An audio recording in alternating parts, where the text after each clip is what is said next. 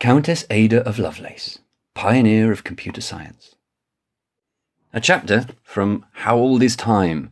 Short stories from science, history, and philosophy by Sasho Dolenc. Read by John Stubbs. Today, he would have presented his findings at a press conference, but because the year was 1833, mathematician Charles Babbage threw a party for celebrated guests, at a salon as it was called then. Among the guests were respected aristocrats, artists, scientists, and indeed everyone who was anyone in London society at the time. The company included the young Ada Byron, who was very interested in technological novelties. Such salons featured dancing, music, poetry, and exotic food, but could also be an important source of information about the latest scientific discoveries. Guests played with mechanical dolls, gazed through telescopes, admired electric and magnetic phenomena, and listened to lectures by renowned experts. On this particular occasion, the centre of attention was Babbage's special mechanical computing machine. The apparatus consisted of an intricate mechanism of small interlaced wheels. Ada's mother was convinced it was some kind of a thinking thing, but Ada was sceptical. She thought that even though the machine was able to compute, this could hardly be considered the same as thinking. Ada was still young, but she was hardly a new face in high society. Her father was the famous poet George Noel Gordon Byron, known as Lord Byron. He, on the other hand, wasn't a big fan of technological progress. In the House of Lords, he had even publicly supported the Luddites, groups of outraged workers who had broken up factory machines out of fear that technology would deprive them of their jobs. Byron was known as a tempestuous romantic artist, admired and feared at the same time. He was a regular guest at parties where he was usually the centre of attention. During one of these social events, a calm and well educated girl caught his eye, though she didn't seem at all interested in him. Nineteen year old Annabella Milbank at first refused the advances of this popular ladies' man, but after a year she gave in, and they married in January 1815. Annabella became pregnant a few months later. During her first visit to Byron's half sister, Augusta, she learned that her marriage to the notorious romantic poet wasn't going to be an easy one. While all three of them were lying on a sofa, Byron shamelessly suggested that his wife and his sister both start kissing him at the same time. In December 1815, Annabella gave birth to their daughter, Ada Augusta Byron, and the family didn't stay together long. After five weeks, Annabella took the child and went to live with her parents. This was the last time Byron ever saw his daughter. A few months later, he went abroad and never returned to England, while Annabel made sure that she got full custody of the child. She threatened her husband that she would publicly disclose his extramarital affairs if he didn't agree to a divorce on her terms. Byron spent the next few years writing and travelling around Europe with friends. Once, while sheltering from heavy rainfall in a villa by Lake Geneva with the poet Percy Bysshe Shelley and his wife Mary, he came up with the idea of telling horror stories. He wrote a vampire story, the first literary attempt in the genre, while Mary's story became a classic.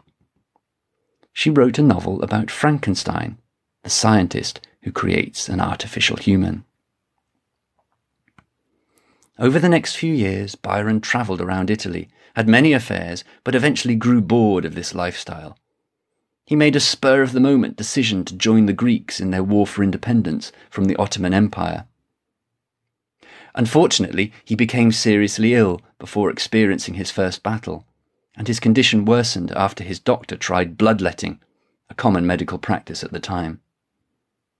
Byron died in April 1824, and on his deathbed, almost with his last words, mentioned his then eight year old daughter, Ada. He hadn't seen her since she was a few weeks old. Meanwhile, back home in England, Annabel made every effort to prevent her daughter Ada from following in her father's footsteps, She made sure Ada was educated by excellent home tutors, chiefly in maths and science. But despite her mother's efforts, Ada couldn't shake off something of a Byronic temperament. When still a teenager, she fell in love with her teacher and attempted to elope with him, but their plan failed. The teacher was fired, and Ada had to go back to her studies. While immersed in these, she became friends with Mary Somerville, one of the few British female scientists, who became her mentor. She sent books on maths to Ada and gave her problems to solve. They went to Babbage's salons together and participated in discussions he led on science and technology. Mary's son introduced Ada to his schoolmate, William King. She and William were married in 1835 and had three children. A distant relative of Ada's was Prime Minister at the time, and he used his influence with Queen Victoria to obtain a noble title for the newlyweds. William thus became Lord Lovelace, and Ada Lady Lovelace. After the marriage, Ada returned to her mathematical studies. She wanted Babbage to become her mentor, but he declined, and so Ada contacted Auguste de Morgan, the pioneer of symbolic logic. Meanwhile, Babbage had managed to acquire considerable financial backing from the state in order to construct his computing device. But he and the engineer he hired to build it experienced many difficulties. Besides their disagreements, the biggest problem was actually an idea how the design might be improved, which occurred to Babbage while the machine was already being assembled.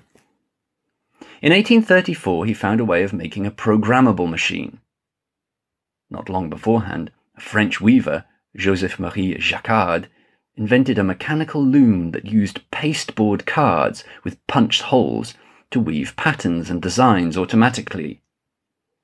By using Jacquard's cards, Babbage's analytical engine, as he named the device, changed the sequence of commands according to the results obtained from a previous operation, which is one of the main characteristics of computers. Unfortunately, the British government refused to offer Babbage any further support for his new project.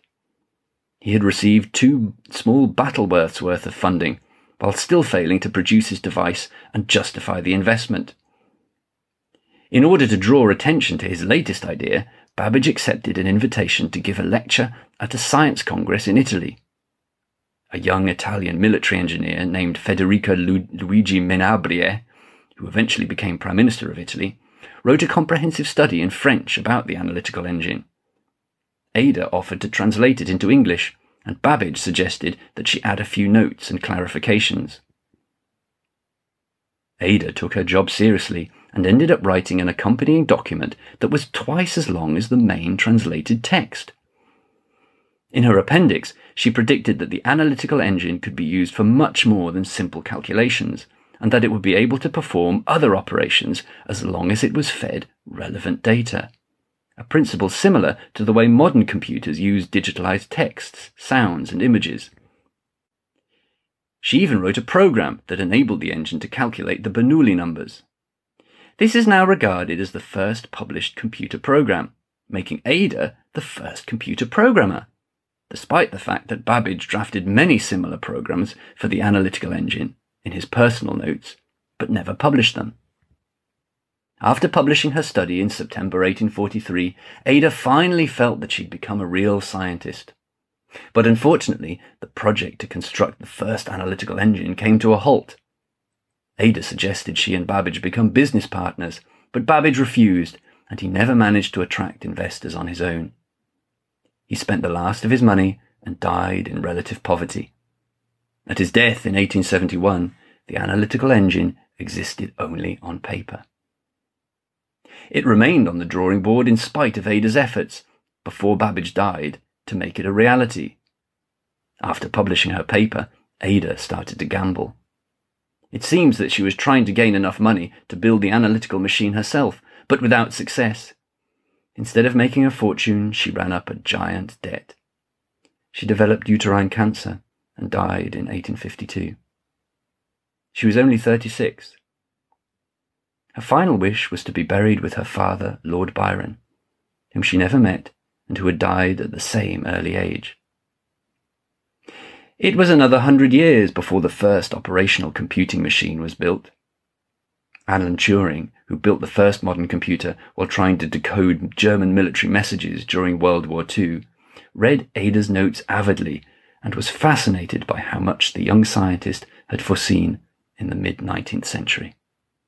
Countess Ada of Lovelace, pioneer of computer science. A chapter from How Old is Time? Short Stories from Science, History and Philosophy by Sasho Dolenc. Read by John Stubbs.